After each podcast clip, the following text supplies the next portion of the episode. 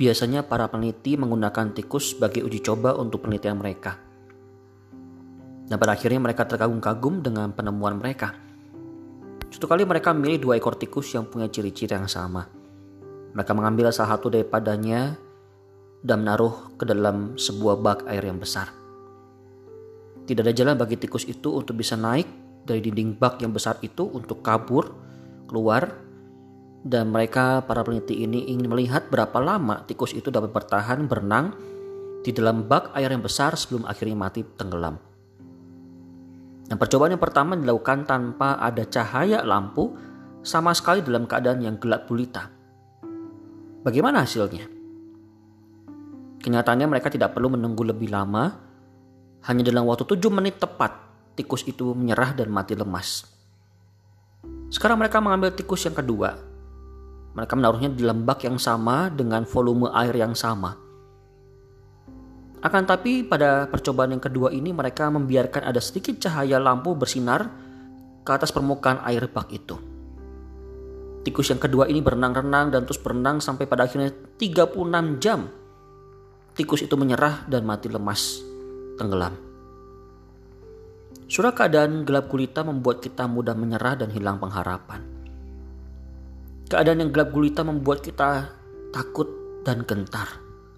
Mudah sekali menyerah.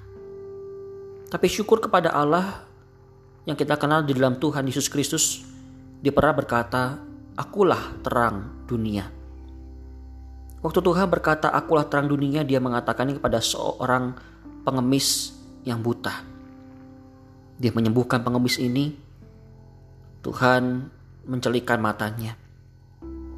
Seorang yang buta, seorang yang tidak ada pengharapan, hidupnya selalu mengemis, dia selalu membutuhkan orang lain untuk bisa mencukupi kebutuhan hidupnya.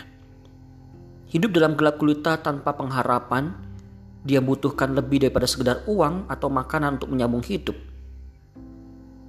Pengharapan terbesar dia adalah ketika dia mau dicelikan, matanya tidak lagi buta, matanya kembali bisa melihat. Itulah pengharapan terbesar. Yesus datang mencelikan dia, menyembuhkan matanya. Yesus menerangi dia, membuat hidupnya kembali punya pengharapan. Yesus mengerti dan memenuhi kebutuhan utamanya.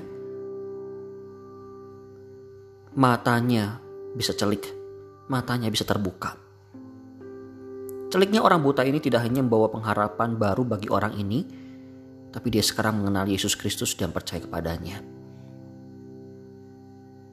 Kamu-kamu yang merasa hilang pengharapan, kamu-kamu yang mungkin hidupmu merasa gelap, kamu-kamu yang mungkin merasa hidupmu tidak lagi berarti, hidupmu mungkin dalam keadaan gelap gulita. Ingatlah, ada Tuhan Yesus yang berkata, "Akulah terang dunia." Terang dunia yang tidak mampu dikalahkan oleh dosa, terang dunia yang tidak mampu dikalahkan oleh kegelapan. Dia ada di dalam dunia. Dia ada. Dialah Yesus.